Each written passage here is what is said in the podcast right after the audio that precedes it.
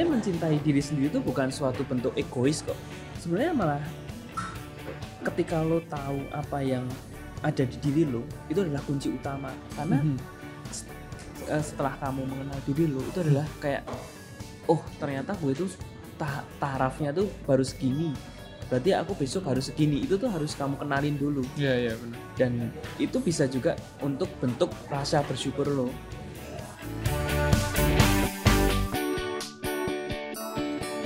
Halo guys, balik lagi di podcast Awal Kenal, podcast yang membahas tentang profesi di industri teknologi, Bro. siap Iya, tapi kal iya, tapi episode kali ini kita akan bahas sedikit yang berbeda yaitu kayak self development. Mm-mm. Iya.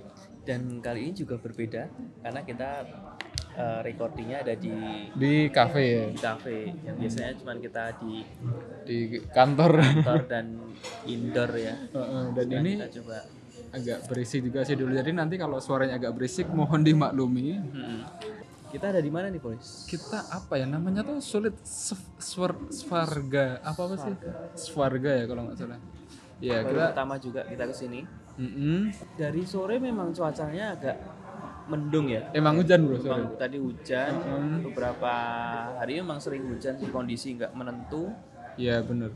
terus bikin mager juga Mm-mm, bener bener tuh. Oh dingin juga ya. dingin semoga ini juga nggak menghambat teman-teman semua buat Berkreativitas, berkarya. bekerja btw ini juga hari Jumat hari Jumat malam weekend besok weekend makanya kita gabut bener akhirnya kita Soalnya kita Sabtu Minggu libur ya, kita Ya. lima hari kerja. Jadi buat tapi tetap buat eh, siapa pun yang kerja Sabtu tetap semangat lah ya. semangat Iya. kita langsung aja sih Hah, sebenarnya Nah. mau ngapain sih tadi juga sempet bingung ya ini mau iya bahas sebenarnya. awalnya tuh kita sebenarnya kita nggak ada rencana buat bikin podcast, tapi karena kita gabut ya udahlah kita jalan ke mana gitu lah. hmm. Kalau memungkinkan si Aris bilang kalau mem- memungkinkan kita bikin podcast kalian. Iya. ya. Terus kita coba setup suaranya, videonya ternyata memungkinkan ya bro. Gitu. mungkin nanti kita usahain kita nggak tahu juga ya. diolah di belakang lah Iya, gimana diolah. caranya biar lumayan bisa enak didengar Lumayan bagus sih tempatnya di sini. Di mana sih Jalan Raja Wali Yogyakarta. Hmm. Jadi itu daerah yang terkenal dengan distro-distro itu Hmm. di jalan apa? Cendrawa. Cendrawasih. Jalan Cendrawasih. Nah, itu kafe ini di dekat daerah situ. Oke, Bro, kita mau bahas apa, Bro? Self development ya. ngomongin tentang masalah self development Mhm. sebenarnya apa sih self development itu kebanyakan orang juga nggak nggak ngerti nih Hmm. maksudnya yang dimaksud self development itu yang seperti apa sih Lo punya definisi tersendiri ya buat self development ya? sebenarnya self development ya kalau diartiin dari bahasa Inggris ke Indonesia juga pengembangan diri gitu. iya. artinya sih sebenarnya itu bisa diartikan adalah Aktivitas yang apa? aktivitas menjadikan kualitas hidup kita menjadi lebih baik Ah, Oke, ya itu lebih Simpelnya mudah. itu. Cakep. Jadi bikin kualitas kita hidup jadi lebih baik lagi nah itu salah satu uh, cara self development itu sendiri Mhm. nah yang banyak orang juga nggak paham eh bukan nggak paham sih nggak aware Hmm. tentang self development untuk mengembangin diri kita Mhm. dia itu sebenarnya di nggak mencintai dirinya sendiri Waduh, gimana tuh gimana maksudnya? maksudnya gini eh lo sendiri sih ngerasain lo sendiri mau ngembangin diri lo sendiri Mhm. mau pengen jadi eh, menjadi lebih baik nih Oke. ya cuman yang jadi problem lo sendiri nggak mencintai apa di yang lo lakukan maksudnya lo nggak tahu apa yang lo suka apa Oh, nggak oke. tahu tahu lo harus kamu tuh maksudnya Belum mengenal diri belum mengenal sendiri. dirinya sendiri gitu loh Iya Padahal sih, bener ku- sih. kunci utama untuk lo melakukan loncatan ke hal yang lebih baik, lo harus tahu dulu apa yang lo udah lakukan dan apa yang belum lo lakukan. Iya, benar sih, Bro. Bener kan? Heeh, Itu benar-benar. yang harus Setuju kita gua. sadari. Jadi eh, kita harus paham dulu kita tuh siapa sih? Kita tuh ngapain sih tuh? Dan kita pengen tuh apa gitu. pengen apa? Kita tuh sekarang levelnya ada di mana? Oke, itu iya. bagian dari love yourself. Jadi kamu mencintai dirimu sendiri dulu kamu kenali dirimu sendiri setelah kamu kenalin diri sendiri itu adalah bagian dari evaluasi evaluasi Mhm, apa mhm. yang telah lo lakuin dan itu bisa jadi untuk eh, peningkatan diri yang lebih baik Iya benar. tuh Tapi gini bro, permasalahan Hmm. yang muncul adalah banyak orang-orang tuh yang belum tahu dirinya sendiri malah bro. belum tahu dirinya sendiri ya Mhm. itu yang jadi masalah Problem terbesar dari situ ya. problem ma- yang terbesar adalah di situ banyak orang yang gini dia pengen suka sama seseorang Oke. dia sampai nyari gimana sih aku harus kepoin dia gimana sih aku harus kenalan dengan dia Oke. gimana sih aku harus pendekatan dengan dia PDKT lah istilahnya nah itu yang banyak dilakukan orang tapi kenapa nggak pernah mencari gimana sih mengenalin diriku sendiri Oh sendiri iya. Bener gimana juga ya. sih eh, ngelihat kelemahan gue gimana sih eh, harus eh, apa ya eh, yang telah lo lakuin tuh apa aja itu sebenarnya juga ada teorinya ada bener nggak Iya sih, tapi Hmm. benar juga sih. Kalau kalau kita suka sama seseorang nih sama cewek itu, Ya. kita kan pasti cobalah cari tahu dia tuh sukanya apa. Kita, kita ajak jalan, kita Hmm. kita coba chat Setuju. dia, kita ajak ngobrol. Tapi justru kadang kita nggak mengaplikasikan itu kepada diri kita sendiri. Artinya kayak Hmm. kita justru nggak kayak apa ya memperdulikan diri sendiri. Kita Hmm. kan kalau sama cewek pasti suka sama cewek, kita peduliin lah sama dia. nah itu Dia sukanya apa, diajak jalan. Tapi justru itu tidak teraplikasikan kepada diri kita sendiri sih. Itu benar sih menurut lo. Gue juga kadang ngerasa gitu kayak apa ya kayak gue tuh kayak justru nggak ngobrol sama diri sendiri gue. gue. Yang akhirnya kayak ya itu akhirnya lama juga buat ketemu Nah. diri kita. sebenarnya mencintai diri sendiri itu bukan suatu bentuk egois kok maksudnya Iya sih. sebenarnya malah ketika lo tahu apa yang ada di diri lo itu adalah kunci utama rahasia yang pertama yang yang yang harus lo tahu. Karena s- eh, setelah kamu mengenal diri lo itu adalah kayak oh ternyata gue itu ta- tarafnya tuh baru segini. Berarti aku besok harus segini. Itu tuh harus kamu kenalin dulu. Iya iya benar. dan itu bisa juga untuk bentuk rasa bersyukur lo. Oh ternyata gue udah di level ini sekarang alhamdulillah aku udah ada di level ini. Besok levelnya kita harus meningkat lagi. Itu harus lo kenalin dulu. Gimana kita mau loncat ke uh, kualitas hidup yang le- lebih baik tapi lo sendiri nggak ngerti sekarang lo posisinya dari mana. Hmm, iya benar benar setuju tuh. Memang paling susah menilai diri sendiri bener Setuju bro. kalau untuk mengkritik orang untuk menilai orang itu ah kita bacotnya minta ampun ya. Netizen terbaik lah. ya Tapi emang bener sih, gue per, gue punya tuh temen yang dia tuh jurusnya psikologi. hmm. Dan gue tanya, eh bro sebenarnya lo sekolah sekolah psikologi tuh belajar apa sih? Hmm. Belajar tentang orang bro. Tapi paling sulit tuh emang mengenali diri sendiri bro. Nah. Dia emang bilang gitu. Teman gue yang sekolah di psikologi emang gitu. Paling sulit tuh untuk mengenali diri sendiri dulu sih. Nah, Bener sih itu. iya. Nah, sebenarnya untuk mm, untuk melangkah ke tahap-tahap untuk bikin sebuah self development untuk meningkatkan kualitas ke yang lebih baik itu tuh kalau dari gua sendiri ada beberapa step yang bisa kita terapin. Mhm. Nah, yang pertama itu adalah kalau dari aku dari gue tuh aku apa gue ya Terserah lu lah. campur-campur ya nggak apa-apa Campur. kalau dari gue sendiri yang pertama adalah kita setelah tahu apa yang ada di diri kita kelemahan kita kebaikan kita dan kita ada di level mana Mhm. itu kalau kita udah tahu itu nah untuk ke depannya kita harus bikin resolusi Resolusi. Apa tuh Resolusi. resolusi, Bro? jadi resolusi adalah yang apa yang mau kita capai aja yang untuk goal lah ya. goal, Goalnya. Tujuannya. itu yang sekedar simpel-simpel aja ya misal kayak resolusi tahun ini apalagi nih Oh iya akhir tahun. Nih. Lo lo berarti udah bikin resolusi 2020. Insya Allah udah. Cuman belum aku tulis sih. Oh gitu. Cuman udah bayang. Jadi kita bikin resolusi yang sederhana aja. Mulai kayak resolusi hmm, simple sih kayak misal besok harus mungkin yang lo posisinya sekarang A kerja di B itu bisa jadi resolusi. Besok aku harus misal tahun depan income minimal Sekian berapa, juta. sekian juta. Itu bisa. Terus atau mungkin besok harus punya pacar. Itu juga sebuah resolusi kan? Iya iya. iya. yang simpel aja. Kita semuanya yang penting kita kita tulis aja. Jadi tapi yang yang perlu dicatat ketika kita bikin resolusi itu yang benar-benar realistis. Mhm. jangan sampai yang resolusi nggak masuk akal. Contohnya kayak besok tahun depan aku naik haji padahal belum daftar. Oh ya iya kan nggak bisa juga kan? Ya, nggak masuk akal ya. Ya masuk akal. Kecuali kalau kita keponakannya menteri agama. Nah. Tapi kalian juga nggak bisa juga ya. nggak masalah itu kita tulis aja semua resolusi apalagi ini kan di akhir tahun. Adalah momen yang tepat untuk kita bikin resolusi untuk ke depan di tahun depan. Dari mungkin lo dari karir bisa karir lo harus pengen gimana mungkin dari jalan-jalan. Besok tahun depan insya Allah ke Jepang. Oke. Nah, kayak gitu tuh bisa. Itu jadi itu kita tulis saja. Dari resolusi itu eh, kita kan udah tahu oke itu adalah goal-goal yang akan kita capai di tahun depan. Nah setelah kita bikin resolusi ya udah lo tahu sendiri apa yang harus dilakuin kan? Mhm. Berarti setahun ya itu jangka untuk jangka waktu setahun biasanya ya? aku setahun. Setiap orang beda-beda sih. Cuman aku paling ideal setahun. Untuk mencapai resolusi itu setahun. Lo lo pernah gak sih kayak bikin bener-bener big goal lo tuh dalam lo tuh pengen udah batas lo buat kerja tuh kalau gue punya uang segini udah gue nggak nggak usah mikir lain.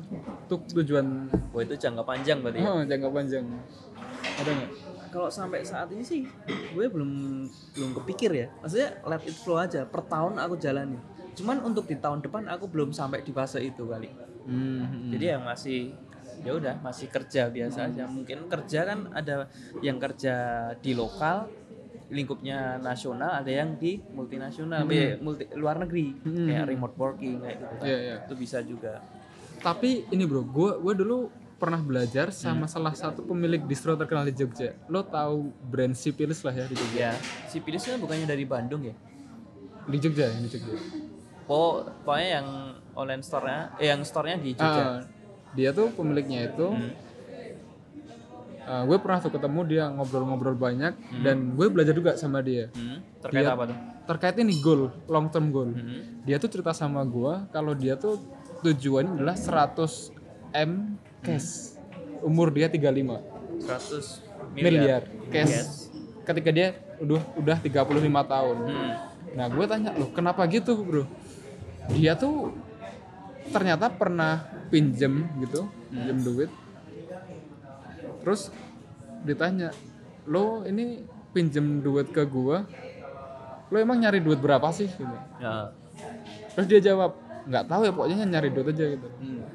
Terus dibilangin justru dibilangin lo kalau nyari duit terus nggak nggak lo definisikan lo pengen dapat uang berapa ya Iya. udah lo bakal kerja terus Hmm, Oke. akhirnya dia set up goal itu 100 m cash pada saat umur dia 35 tahun Jadi itu tabungan dia dari mulai itu bikin resolusi sampai di 35 tahun itu. Heeh. goalnya tuh pokoknya tuh dia umur 35 tahun punya uang 100 miliar cash Oke. 100 miliar gede cuy. iya jadi Oke kan. 100 miliar cash nah dia mikir loh bro terus setelah itu lo mau ngapain ya udah gue gue udah nggak mikir kehidupan dunia lagi lah Dia udah investasiin mungkin. Iya. Ya, maksudnya dia dia dia dia cerita sama guanya dia mau didepositoin bro Oke, 100 deposito M atau di- saham kali ya. Bisa. Eh, depositoin 100 m didepositoin per Ya. bulan berapa sih bro? Eh, per tahun Ya, berapa? Misalnya, misalnya udah 5 lumayan persen, 5 persen tuh berarti 5 m setahun lah ya. Iya, Lo 5 m setahun bisa nggak hidup dengan uang segitu? Bisa banget kan? ya? bisa banget. Nah, gue, gue juga belajar dari dia. Dia namanya Mas Anang. Nah, Mas Anang. Tapi itu udah terrealisasi, terrealisasi belum tuh? Belum, Belum. hampir kali ya. Hampir enggak. Gue ngerti. gue udah lama juga gak, udah Oh. nggak ketemu dia. Mungkin gue besok kapan-kapan lah Hmm. ketemu sama dia. Menarik sih. Ya memang semua harus harus ada ininya, harus ada re- apa ya? catat eh, Patokannya, patokannya. Iya. heeh. Ya, misalnya lo juga bener tadi. Aku biasanya patokan memang dari nominal sih. Misal nih tahun depan gue harus berapa ratus juta gitu. Hmm, Itu itu yang menjadi patokan. Misal ternyata lo bisa sampai tembus segitu berarti lo sukses. Iya. Nah, kalau misal lo nggak ada patokan, lo ngerasa ngerasa aja udah oh udah dapat segini tapi belum mencapai target lo juga sama aja kayak bakal mm, mengabaikan target itu loh. Hmm, Kalau hmm. kita nggak punya target, Iya, heeh. makanya tetap target itu per- perlu. Misal nih udah di bulan eh, setengah setengah tahun berlangsung ternyata target lu kan masih kurang banyak Hmm, nih berarti kan lu harus kerja kerja ter- keras terus kan itu yang jadi motivasi salah satunya Tapi emang enak tuh kalau setup goal tuh angka lah ya. Karena angka itu itu angka jelas banget ya. jelas jelas Iya sih itu. Mm. ya sama halnya kalau misal lu masih kuliah tahun depan gue harus lulus dengan IPK seberapa Sekian, ya. Itu itu lebih lebih lumayan ini kan bikin motivasi kan Intinya ya Kalau- spesifik lah ya goalnya ya. kalau untuk cuman sekedar lulus mungkin semua orang bisa lulus Ya. gampang Tahun tahun depan gue lulus. nah, Ya. lulus tapi untuk IPK, IPK-nya berapa 2,1. tuh setelah lu bikin resolusi nih Heeh.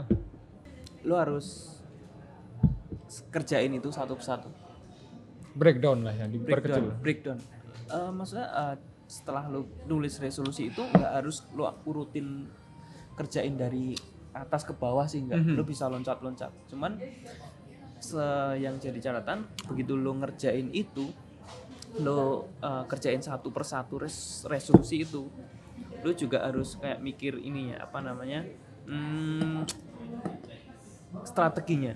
Ya benar benar. jadi nggak nggak jangan lo kerjain yang kira-kira susah banget itu dulu.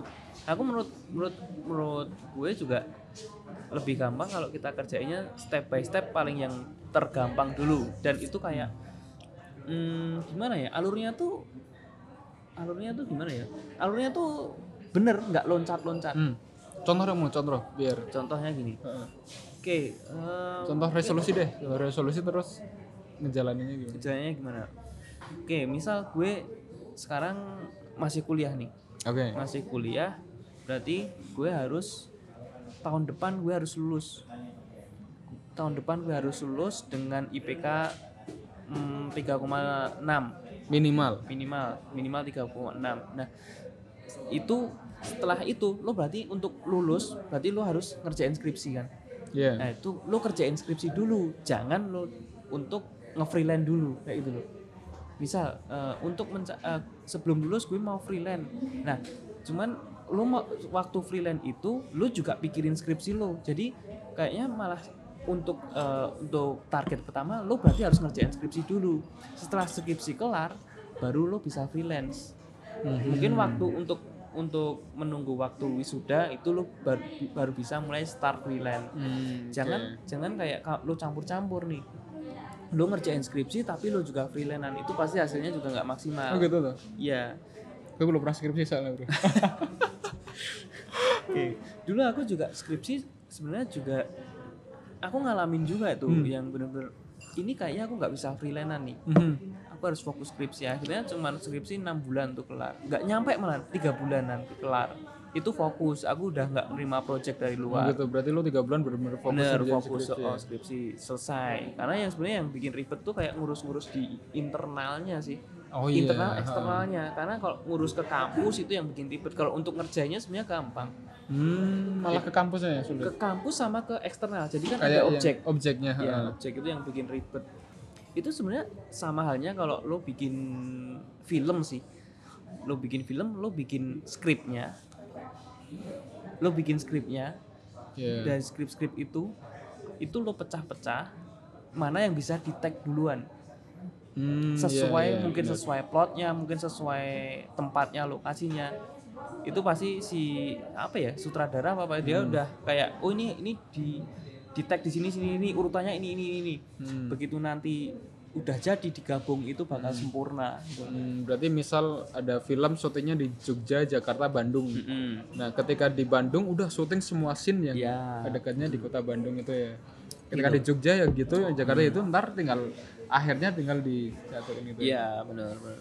Tapi tetap tujuan akhirnya itulah ya. Jadi sebuah film. Mm-mm. Ini kalau diaplikasikan ke resolusi tujuan akhirnya adalah goalmu Goalmu apa? Dan bi itu dan di- tetap tapi tetap tetap di list untuk mencapai itu apa-apa aja yang bisa disikat sekarang langsung sikat sekarang Benar, gitu. benar, Oh, Oke. Mm-mm. Kalau kalau gue iya bener gitu sih misalnya kayak gue misalnya resolusinya gue pengen Apa? misal tahun depan gue tabungan gue 100 juta misalnya. Amin. No. Amin deh 100 juta. Nah, breakdown tuh satu 100 juta berarti kalau dibagi 12 bulan anggap aja 10 juta lah ya. 10 juta per bulan ya? Hmm, berarti nyarinya 10 juta per bulan. Itu bisa itu jadi bisa. Jadi jangan caranya bisa gitu juga kali ya. Ya itu salah satu cara. Maksudnya orang jangan lihat 100 100 juta Hmm, itu gede iya kan? Ya bener. Tapi ketika di dipecah-pecah jadinya Nah, itu 10, bisa. 10 juta per bulan dengan freelance mungkin banget lah ya. Mungkin banget. Mungkin banget. jadi jangan Nah, tapi mungkin mungkin mungkin buat kita tuh karena kita tahu caranya untuk mendapatkan 10 juta. ya kalau iya nggak kan? tahu caranya kita kejar gimana caranya. Iya, iya kita benar. cari. Maksudku gini, ketika kita misalnya goal kita 10 juta per bulan, tapi kita nggak tahu tuh caranya biar bisa dapat begini tuh. Itu kan kayak agak nggak realistis juga buat kita. Tapi mungkin kalau kita udah tahu caranya itu realistis banget gitu. iya benar mungkin kayak kayak kita nih sekarang target kita sekarang misal contoh target gue 100 juta per bulan tapi gue nggak Per ada bulan? iya misal 100 juta, misal oke misal 100 juta per bulan tapi gue sekarang nggak ada gambaran gimana caranya dapetin 100 juta per bulan. Ya itu salah satu res- realistis. salah satu reasi- eh, resolusi yang nggak nggak masuk realistis akal. kan nah, bener sih. Berarti emang harus yang realistis lah ya. Ya. Gede oke selama kalian tahu cara tahu cara dapetinnya. dapetin itu. Oh, oke. Setuju gue. Sama konsep lo juga tuh. Kerjain kerjain aja. Pokoknya dari Dipecah-pecah resolusi, lah ya, oh, resolusi kita pecah-pecah. Mana mau yang dikerjain duluan mana yang jadi prioritas lo Mhm. nah setelah lo kerjain itu tuh pasti nggak semulus yang apa yang lo kerjain apa lo yang pengen mau sih Ah. jadi gini lo pengen mm, mencapai target sesuatu Hmm. dan lo udah kerjain Hmm. yang waktu lo kerjain itu pasti ada aja masalah. Jadi eh, ada aja yang apa ya namanya halangan lah, nggak semulus yang dikira. Mungkin salah satunya gini, lo punya target 100 juta eh, dalam masuk coy. 100, Gua masuk. 100 juta dalam setahun. Ya misal. Dengan cara lo jualan, ya. Dengan cara lo jualan. Baju misalnya. Baju oke lah distro lah. Ternyata lo begitu start eh, distro itu nggak semulus yang dibayangkan. Mungkin Mhm, awalnya lo mikir ini bakal sukses ini bakal booming. Ternyata apa? Setelah lo kerjain semuanya step demi step dan yang lo pikir itu gampang ternyata apa? Rusak semua atau mungkin nggak profit. Hmm ya ya mungkin yang lu nargetin 100 juta bakal jadi rugi kalau misalkan tidak semulus yang kita pikirin Nah, dari situlah itu adalah suatu bentuk perjalanan karir lu. Mhm. Yang jadi catatan adalah dari semua kegagalan yang lo ngelakuin, yang lo pernah perbuat, make experience to learning. setuju banget loh Nah, 100 Apa apa yang lo pernah kerjain, apa yang pernah hmm, pengalaman yang pernah lo dapetin, entah itu kegagalan atau kesuksesan, itu jadi catatan penting untuk resolusi ke tahun benar depan. benar benar Jadi Ah, iya semua benar pengalaman apa mungkin pengalaman sukses lo oh ternyata ini berhasil. Nah, lo bisa pakai eh, formula itu untuk di tahun depan mungkin untuk resolusi tahun depan. Dan mungkin ternyata waktu lo bikin bisnis itu juga ngalamin kegagalan. Oh berarti ini yang formula satu ini bikin gagal. Berarti ini nggak bakal gue pakai lagi di cocok. Mm-mm. di resolusi tahun depan. Hmm. itu yang jadi catatan. Jadi eh, di sini gue ngomong nggak nggak cuman sekedar mulus aja jalani sebuah resolusi gitu. Eh sebuah resolusi bikin resolusi kita jalanin dengan mulus. Tuh pasti kan ada halangan. Nah halangan itulah eh, kegagalan itulah yang selalu bi- harus kita buat catatan untuk selalu Jadi belajar lebih ya. baik di resolusi berarti tahun depan. kalau dipersingkat intinya gagal itu nggak masalah lah ya. Masalah. selama kalian bisa belajar dari kegagalan itu lah ya. Bener nggak masalah dan gue gue gue punya prinsip eh, nggak ada gagal sih kalau gue bro. Prinsip gue bro. Setiap hari adalah pelajaran. Apa gimana? Iya heeh. jadi gue nganggep kalau gue nggak bisa itu Hmm. jadi sebuah pelajaran. Bukan berarti gue gagal. Karena Oke. gue nganggep gagal kalau gue udah stop. Hmm. Hmm, jadi misal gue pengen jadi seorang pemain bola nih misalnya terus pas gue latihan kaki gue cedera. Hmm gue putus asa terus gue stop. Hmm. Gue akhirnya gagal dong jadi pemain sepak bola. Itu gagal berarti. Heeh. definisi gagal lu kayak gitu ya? Iya, tapi kalau gue anggap oke gue gue nggak bisa jadi pemain sepak bola gue cedera nih. Hmm. ya udah gue ini jadiin pengalaman gimana caranya biar next time gue nggak cedera kayak gini lagi. Hmm. Ini gitu sih. Jadi it's okay to be fail gitu loh kalau buat gue selama belajar dari pengalaman itu Itu kan analogi ya.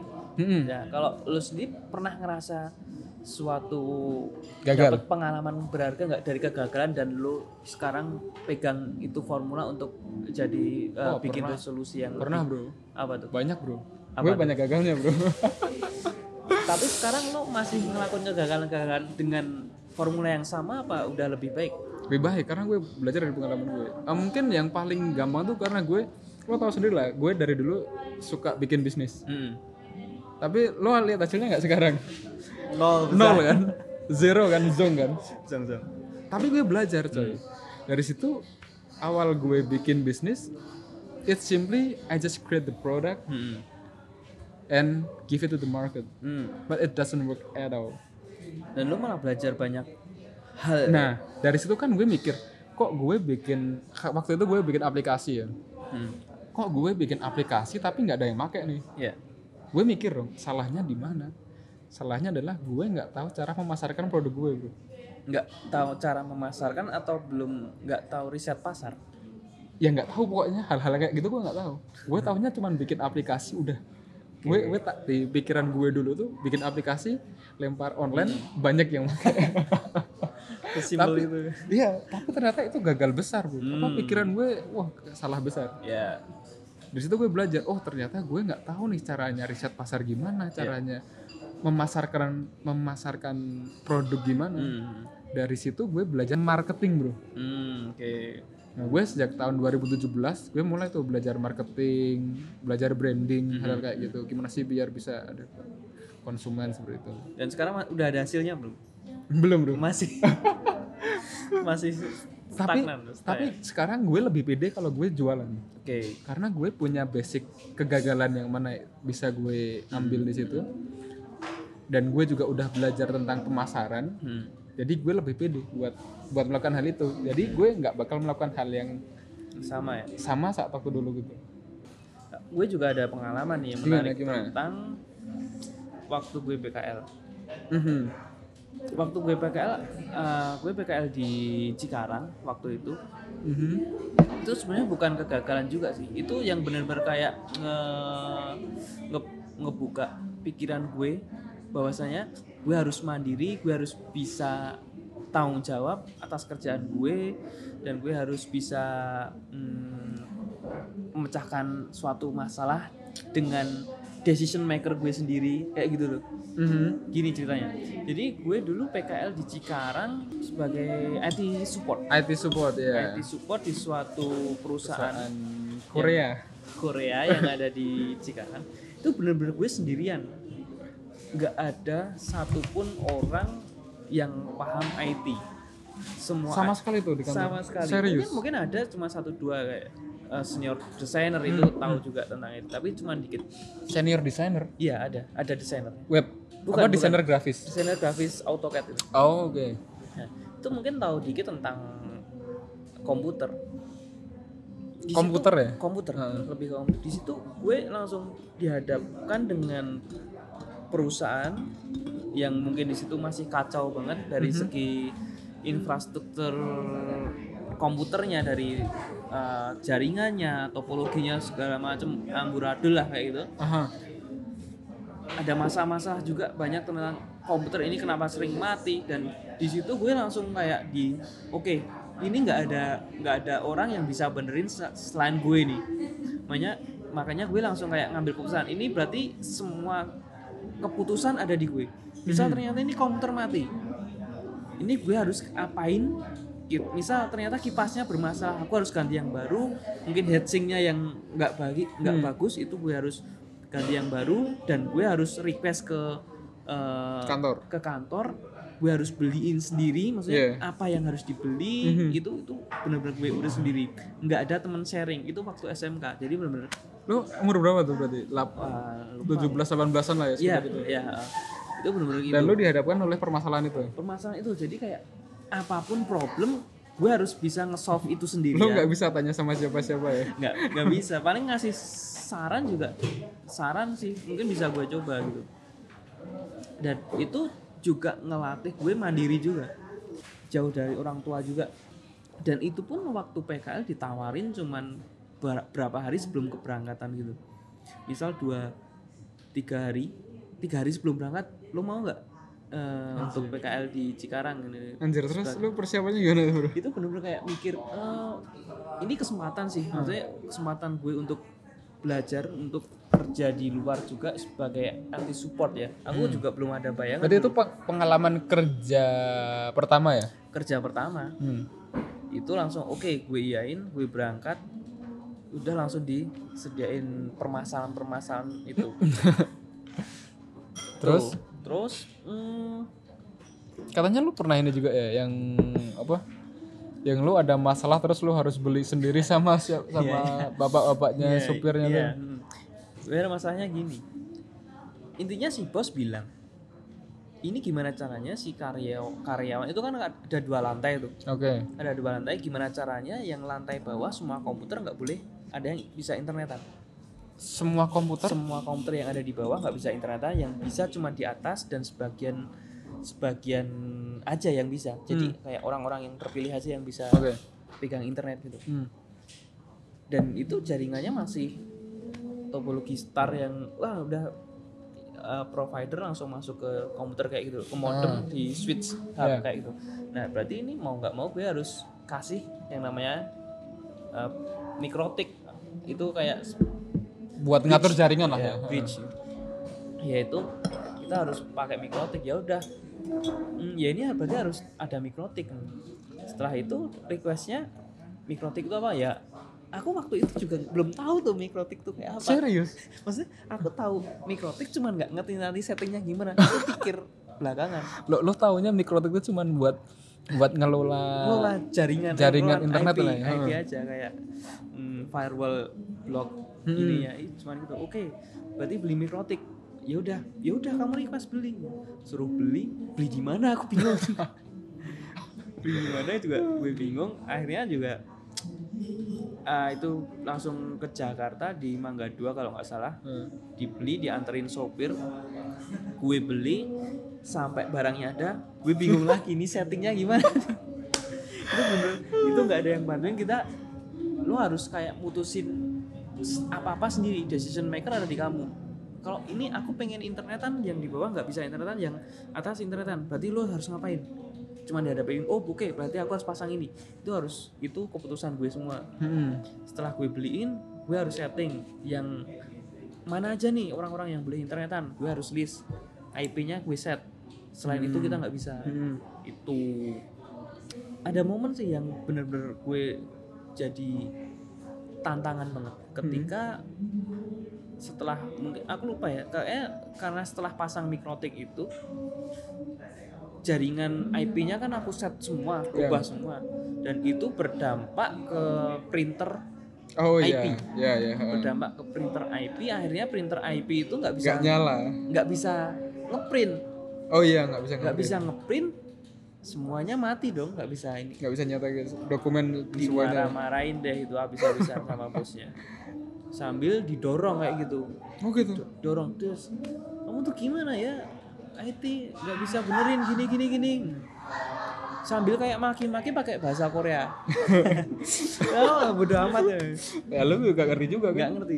Maki-maki pakai bahasa Korea dan oke Mister besok aku benerin. Dan itu udah malam kan masanya Hmm. akhirnya ya udah kayak aku jadi tertantang. Oke aku harus bisa nih benerin. Maksudnya kalau nggak aku siapa lagi?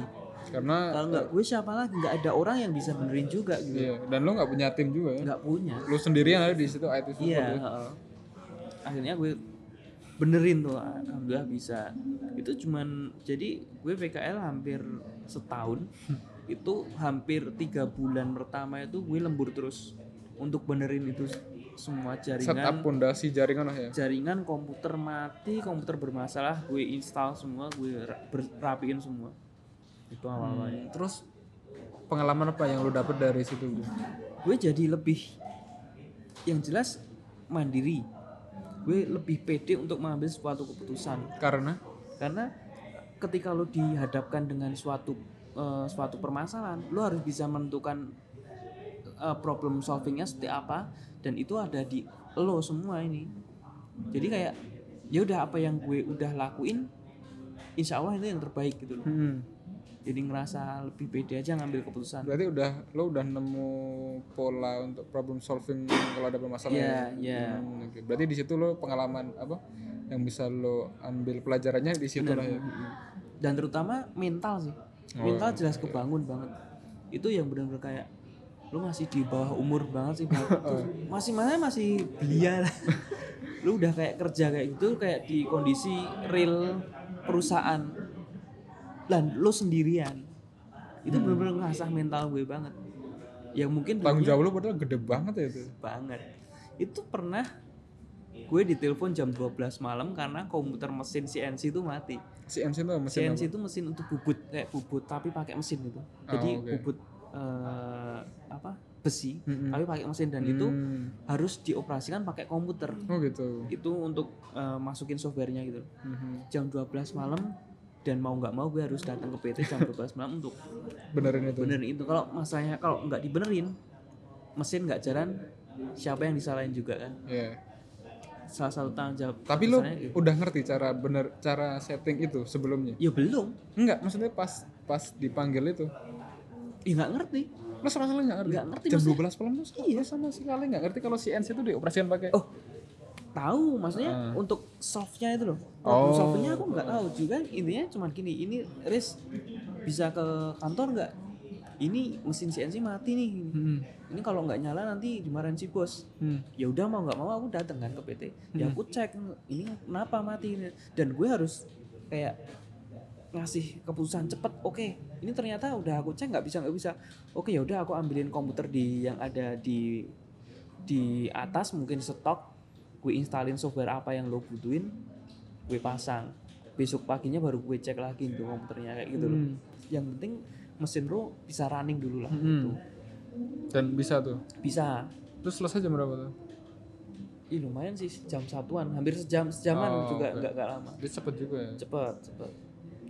Masalahnya kalau masalah di PT itu komputer mati pun semua bisnis bisa mati karena Iya. itu saling berurutan. oh iya benar Jadi dari mesin A ke mesin B, mesin B ke mesin itu berurutan. Mesin A mati, mati yang lainnya nggak bisa kerja kayak oh, gitu. Itu iya. yang, yang gede banget gede banget. tanggung gede jawab banget. lo ya Lanjut nih. lanjut dong Hmm, tadi udah ngomongin masalah belajar dari pengalaman belajar dari pengalaman. Oke, setelah lo punya resolusi, lo kerjain step by step, terus belajar dari kegagalan. Nah, untuk mencapai resolusi itu semakin gampang, itu tuh sebenarnya ada kalau di menurut gue sendiri ada tiga environment, ada tiga lingkungan yang bakal ngedukung lo untuk mencapai resolusi itu, coy. yang berpengaruh lah ya Yang berpengaruh gede entah entah itu sukses atau gagal itu berpengaruh gitu berpengaruh bagi apa namanya resolusi Resolusi.